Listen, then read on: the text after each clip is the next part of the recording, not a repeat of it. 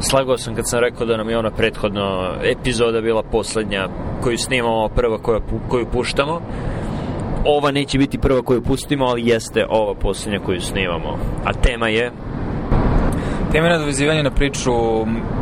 porasta u ličnoj produktivnosti, pogotovo u profesionalnom domenu, koje se dešava na marginama, tiče se poboljšavanja stvari koje radiš regularno u smislu poboljšavanja efikasnosti i smanjivanja gubljenja vremena stvari, prevashodno higijena, e-maila, kalendara, organizovanja sastanaka. A, mislim da je to bila neka opšta tema, ti sad malo suzi pa vidi u kom smeru idemo dalje. No. Da. Prvo bih hteo da razgraničim uvek je problem kad pričaš o produktivnosti da postoji cela industrija u Americi naročito koja se malo pospredno, ali istinito naziva productivity porn, uh, gde su ljudi toliko fokusirani na uh, male savete velikih majstora kako dramatično povećati produktivnost u ovom ili onom domenu, instalirajte ovaj program, koristite ovaj metod, pročitajte ovu knjigu i svi vaši problemi će biti rešeni. I sa jedne strane i sa druge strane gomila ljudi koji voli da potroši puno vremena u finom podešavanju svog uh, mesecima ili godinama stvaranog sistema e, zapisivanja zadataka, programa koje koriste e, prečica i auto, automatizacija i provedu toliko vremena u podešavanju tog sistema i održavanju tog sistema da bilo koji dobici e, u tome koliko im manje vremena treba za obavljanje svog pravog posla se gube i postoji dobar, dobar strip. XKCD ima dobre stripove za sve. Za ovu situaciju postoji dobar strip gde je grafikon vreme provedeno na pravljenu automatizacije i vreme ušteđeno u tom automatizacijom i postoji ta računica koju treba imati u glavi. Ali u poslednjih, naročito u poslednje dve godine, kada je većina komunikacije u Americi sigurno, a verovatno i u Srbiji, mislim, pretpostavljam, ne znam, uh, nije većina, ali veći deo u Srbiji je digitalan, gde dosta mailova se razmenjuje, gde je glavni metod razmene komunikacije digitalni i gde uh, je jako lako zakazati sastanak i održati video sastanak.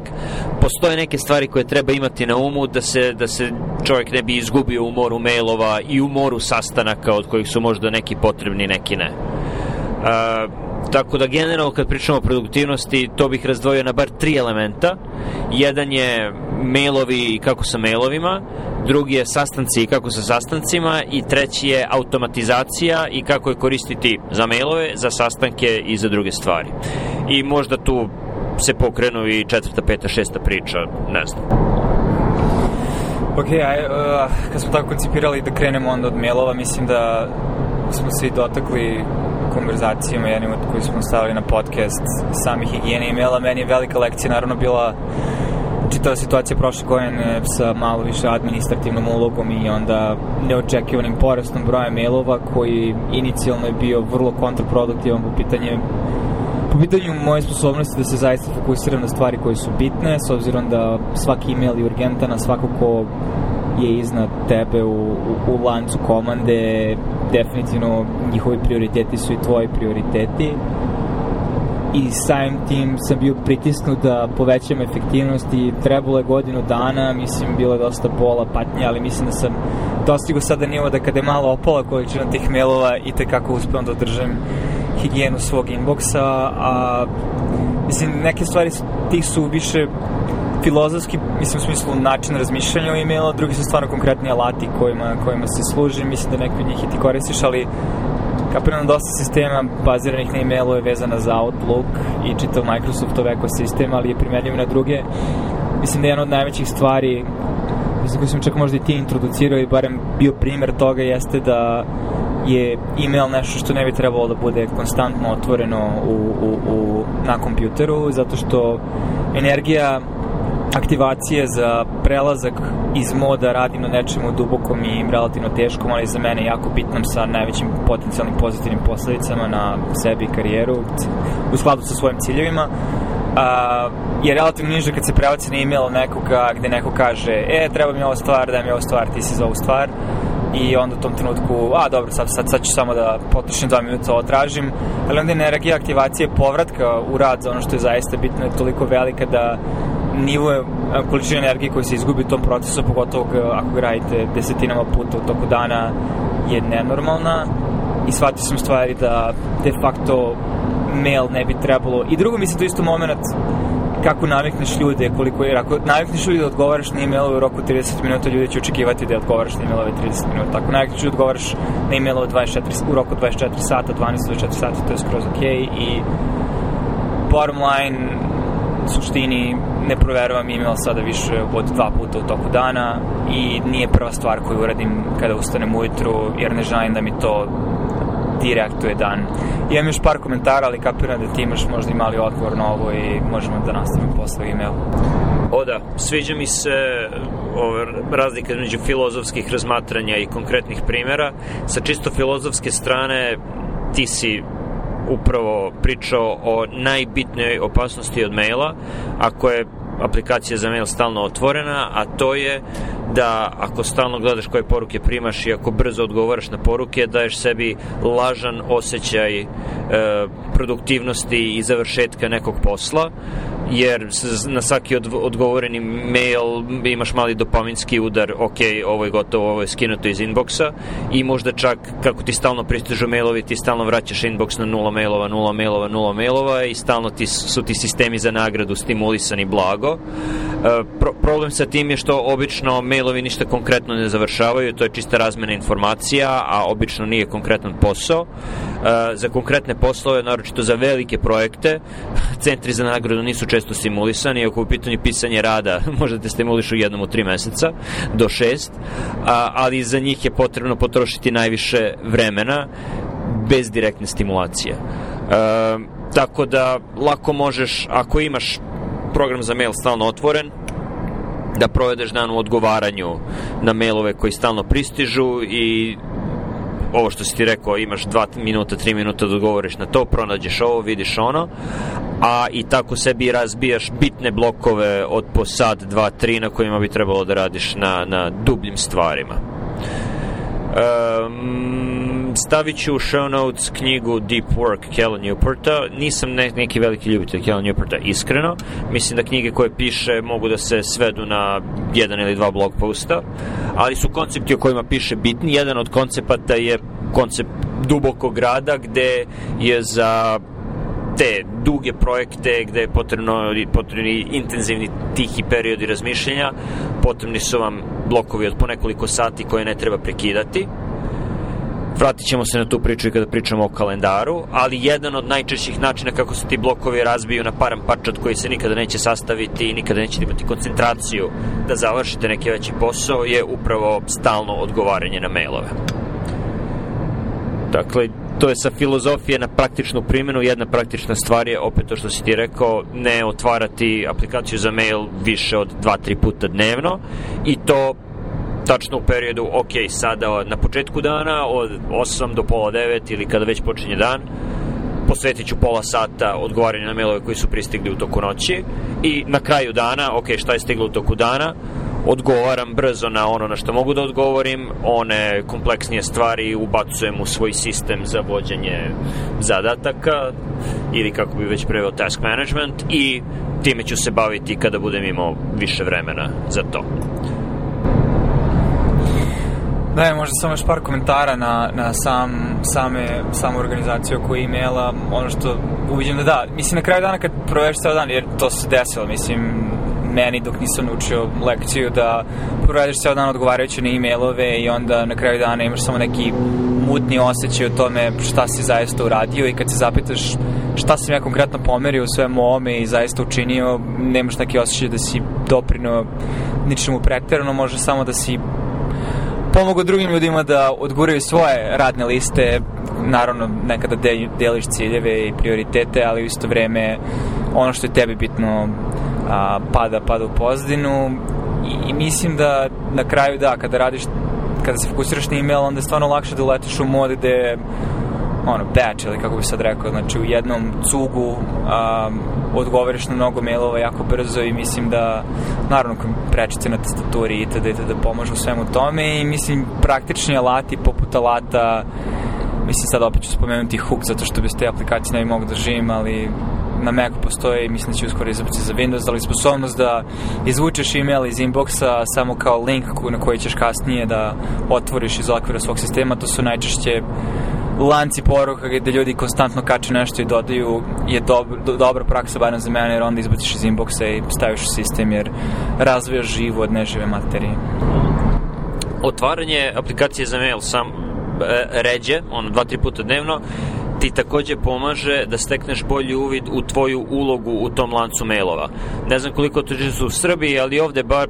ljudi vole da pišu mailove gde ili direktno stavljaju u tu polje ili CC-u gomilu ljudi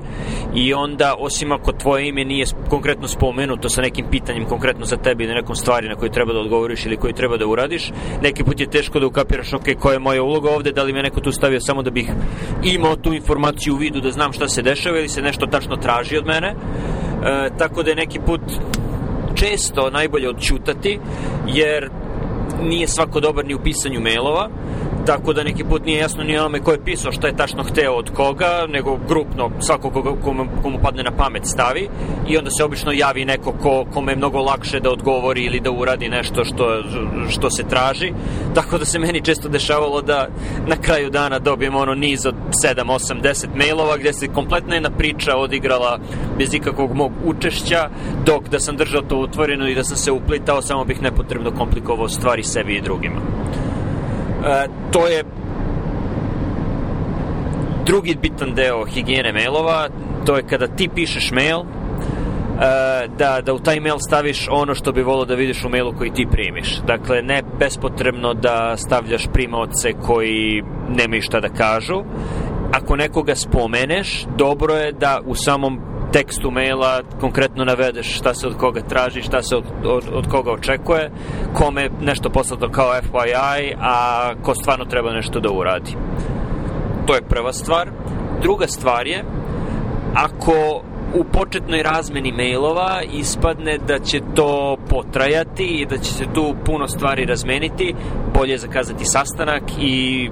ili tele ili uživo prodiskutovati o tome jer će se mnogo brže neke stvari razjasniti nego razmenom 50 mailova. Da, i, i da, jedan deo higijene mailove i, i način pisanja mailove, ono što sam brzo shvatio je da naravno, u zavisnosti toga gde si u hijerarhiji, koliko vremena imaš, mailovi su različite dužine, ali konkretno nema potrebe produžavati mail bez, bez potrebe. A, tako da samim tim se zaista trudim da nemam više od tri rečenice u e-mailu, osim ako to nije za referencu nekome, ali čak ako je nešto duže od pasusa, onda bi to vratno trebalo da bude dokument o nečemu ili, ili sastanak. A, ono što se vidio cool sad u Outlooku da ima je da možeš da staviš at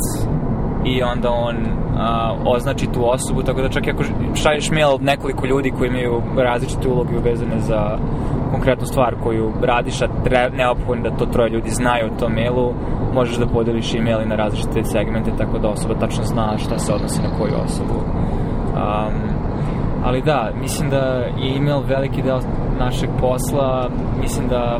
čak i nama koji nismo u Silikonskoj dolini aplikacije poput Teamsa i to malo menjaju, mada drugi ljudi play stalno na Slacku i stvarima poput toga, ali chat na Teamsu i aplikacijama sličnim takođe zahteva određen nivu higijene i generalno ja i gasim Teams, Microsoft Teams ako nisam na sastanku. To je jako bitna poenta. E, posao u Americi se razvio tako da većina organizacija funkcioniše po principu grupnog mozga, gde stalno postoji komunikacija na više kanala, paralelna i serijska o više različitih tema, dok se nekako, obično putem maila, ali i ti programi za direktnu komunikaciju, Slack, Teams i drugi, uh, tako da stalno mora da budeš umrežen kako bi se došlo do neke odluke i kako bi se nešto uradilo. Uh, to je verovatno greška i verovatno ne bi trebalo tako da funkcionišu, naročito ne velike organizacije i veliki sistemi. E, I to je šteta što je umetnost sastanaka, e, vođenja sastanaka, pravljenja sastanaka, zakazivanja sastanaka nestala. E, što zbog težine, ono, skupiti sve ljude na isto mesto, što zbog ono, pronalaženja prostora kod naših trenutno, kod naših trenutno poslodavaca često je problem i ono, gde se sastati jer soba nema puno, mesta nema dovoljno. 7 East. Da, da.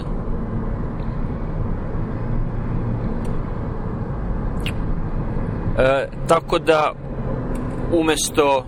te difuzne, konstantne komunikacije neki sistemi pokušavaju da pređu na diskretnu, usmerenu komunikaciju sa više kratkih, ali jasno definisanih sastanaka gde se donesu, donesu konkretne odluke i onda pustite ljude da rade na tome na miru i po svom rasporedu. U medicini bi jedan taj vid direktne usporene komunikacije bila jutarnja vizita, gde ti tačno tada pričaš o pacijentu i doneseš odluke, ok, uradit ćemo to, to, to je na kraju dana. U toku dana trebalo bi da postoji neki minimum urgentnih stvari, ako se nešto hitno desi, treba u tom trenutku da se odluči i onda na kraju dana imaš popodnevnu vizitu gde, ok, vidiš šta se desilo i kako treba da se spremimo za ujutru i šta treba onaj ko pokriva noću da radi i čini mi se da tako funkcioniše većina, već, većina timova gde, gde mi radimo na našem institutu, da sad ne ulazim u detalje. Ima drugih instituta gde nije baš tako. Ima drugih instituta gde je vizita uh, pro forme i više se bavi naučnom debatom i diskusijom, dok se bitne stvari vezane za nego pacijenata dešavaju u realnom vremenu preko mailova, što vodi do masovnog napada na inbox i stotine i stotine mailova, što je meni bar bilo teško podnošljivo kada sam morao tamo da radim u okviru subspecializacije i povremeno ako imamo nekog zajedničkog pacijenta i uđem u to grotlo mailova, uh, jedva čekam da izađem iz njega. Da, mislim da je u velikoj meri ovo rezultat uh, jednostavno dolaska relativno nove tehnologije, to je mogućnost diskontinuirane, ali vrlo brze komunikacije od maila, pa posle toga preko sad trenutno ovih aplikacija koje imaju funkciju četa, što na određene načine bi trebalo da ubrza komunikaciju, samim ti poveća produktivnost, ali mislim da bez pretrednog razmišljanja organizacije kao takve, individu organizacijama su sroljali u to što je postično dovelo do toga da u situacijama u kojima uopšte nije neophodan konsenzus, dolaziš u situaciju da za činjenicom da je 5, 6, 7, 8 ljudi uključeno u konverzaciju, jednom postoji to prečutno pravilo da treba da postoji neki konsenzus i da svako može i treba da kaže nešto. Tako da mislim da malo svesni pristup organizaciji takvih sastanka, barem na osnovu tvog tima, tu imaš kontrolu koliko možeš, da je jednostavno za situacije za koje ne treba konsenzus, ne treba da uključuješ ljude da bi mislili da treba da nešto doprinesu tome, jer uglavnom to samo dovodi ka buci i, i, i smanjuje produktivnost. Uh, imaš ti još nešto da kažeš na temu mailova? Imam, imam još mnogo toga, ali kapiram da ova epizoda ne treba da traje dva sata. da, uh, često se pominje Inbox Zero koji je Merlin Mann uh, spomenuo prvi put pre 15-20 godina, to je da se trudiš da ti u inbox, da ti inbox bude prazan, da ne koristiš inbox za arhivu ili kao listu zadataka itd. itd. Uh, I on je malo promenio, stavit ću linka prvobitnom tekstu i njegovim kasnim razmišljanjima, a stavit ću linka tome koji stvari Merlin Mann, pošto ako pričamo o produktivnosti, lepo je da ljudi znaju uh, o kome se radi. Uh, ono što jeste bitno je da, da koncept iza Inbox Zero, a to je da imate nula mailova, je da kada pišete mail nekome, trudite se da to bude poslednji mail na tu temu koji treba da bude napisan i da razmišljate u tom smeru, da to bude kraj razgovora. Dakle, ako zakazujete sastanak, da ne, nije potrebno 5-6 mailova, ja sam slobodan tada, kada, itd., itd., nego da to bude jedna jasno definisana poruka gde osoba koja vam odgovori može da završi celu konverzaciju. Uh, bez onog hvala uzvičnik maila na kraju, što trudim se da izbegavam. I tu se malo ubacujemo na domen sastanaka i zakazivanja sastanaka i ono što sam spomenuo, Cal Newport i Deep Work, jako je bitno znati kako ti je strukturisan dan i jako je bitno kada vidiš kalendar imati bar 2, 3, 4 sata slobodnog vremena koje možeš da posvetiš nekim konkretnim stvarima u kojima možeš da, da, da, da se posvetiš dubinski bez prekida. Uh, ono što ja radim je trudim se da sastanke zakazujem samo u jedan ili dva dana nedeljno, tako da dva ili tri dana nedeljno imam za takve blokove. Obično na kraju ispadne neke hitne stvari koje ti opet razbiju dan, ali mnogo je lakše ako se dan razbije od bloka od 5 sati u, blok, u dva bloka od po dva sata, nego da to bude potpuno rasparčano i, i nemoguće za, za, za spajanje vremena u produktivne blokove. Da, mislim, to je ono isto, mogućnost rukovodđenja higijenom sastanaka je direktno proporcionalna tvojoj poziciji u, na, na poslu, tako da u određenim situacijama ne postoji mogućnost za odluku, ali kada god mogu, trudim se da ne zakazujem sastanke ujutru, nego popodne, zato što ujutru je mozak mnogo odmorniji, samim tim vreme provedeno u konverzacijama, pogotovo što sastanci često ne često, gotovo uvek nisu samo a, tu da bi se razrešio neki problem konkretne prirode i da bi se to nastavilo dalje, nego u isto vreme služe kao ventil za frustracije svih uključenih u sastanke, a tiču se barijera koje postoje ka šta god oni vide kao idealno stanje sistema. Tako da sve te stvari, pogotovo koje čuje negativnih emocija koje nekada mogu da izađu iz sastanka, pogotovo ako je trenutno postoji neko akutnije stanje koje se, na koje se gleda kao na krizu, a, nije dobra stvar imati prvo izjutra, uglavnom je bolje imati posle ručka, gotovo idealno posle tri popodne,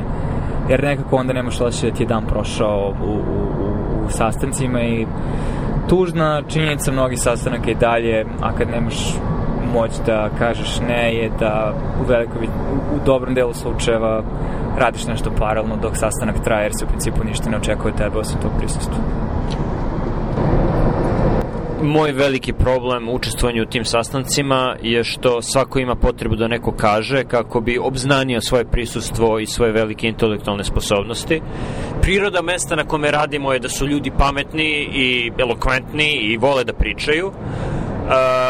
pošto ja nisam ni jedno ni drugo, volim da ćutim na tim sastancima i da ih tako ne produžavam bespotrebno. I jako cenim ljude koji isto to rade, jer se obično na kraju svi složimo za one sastanke koji su redovni i koji se rade pro forme da bi se ispunila lista neke organizacije koja te akredituje ili šta god. Uh, obično se složimo da je na kraju pojenta tog sastanka bila da se zapišu zabileške sastanka, stave u, stave u karton i da se produži dalje. Da, mislim i ovo je nevezano za sastanak za nego pacijenta, naravno, mislim, vizite, to, to ne ne gledam, to mislim, pogotovo kad si na floru, jednostavno očekivano da se sastaneš ujutro, ali generalno sastanci koji se tiču kolaboracije, zajedničkih projekata, itd., itd., pogotovo što zavisnosti od individua koja na sastanku nekada mogu da traju i da idu u smerovima koji su potpuno neočekivani. Ono što sam isto shvatio, ako pričamo konkretno o sastancima i higijeni, a opet to tiče se Rome Research, ali mislimo da se može koristiti Svuda je da beleške sa sastanaka su ključna stvar, pogotovo beleške konkretno šta ja treba, šta je iz ovog sastanka akciono i šta bi trebalo ja da uradim, šta je moje, šta je nečije tuđe,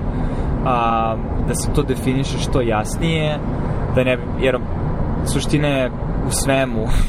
su očekivanja, ispunjavanje očekivanja ili izbjegavanje, izneveravanje očekivanja i u situaciji u kojoj sastanci mogu da idu od a ovo je možda cool ideja koju bi u nekom trenutku trebalo raditi do a ovo je nešto što ćemo raditi ali možda ne treba odmah da radimo tome do ovo je nešto na čemu trenutno radimo. Nekada ta linija nije baš najjasnija i trudim se na kraju svakog sastanka pogotovo kad je sastanak u smeru gde neko zadaje stvari kojima ja imam odgovornost da bi trebalo da radim na nečemu definišem jasno koje su akcije na kraju sastanka kako bi nekada i sam, ta sama osoba shvatila o čemu smo pričali. Često se to stvari i desi. Um, I onda te beleške iz tog sastanka, nakon samog sastanka, odmah dok su sveže, sve te akcije, to dove, kako god hoćeš da ih nazoveš, staviš u sistem da, da, da ne isplivaju i, i, i ne ispare negde. Jer mnogo je tež, teže prisjetiti se sutra šta je konkretno bilo diskutovano na sastanku. Ja. To je jedna od dve stvari kojima sam hteo da završim ovu priču, jer moramo završiti baterija na laptopu se skoro potpuno ispraznila svaki sastanak se mora završiti konkretnim spiskom stvari koje neko ili svi članovi koji su prisustovali sastanku treba da urade. Znači, bez te liste konkretnih stvari, ti proveri ovo, zapiši ovo, pošalji ono, obavesti onog, Ako toga nema na kraju sastanka, sastanak je bio potpuno bespotreban i kogod ga je zakazao treba dobro da razmisli o tome šta, šta je hteo ili htela da postigne uh, prizivanjem tih ljudi da dođu na, na razgovor. To je prva stvar. Konkretan spisak stvari na kraju svakog sastanka. Druga stvar je pre toga, vezana za zakazivanje, postoji dosta aplikacija jako dobrih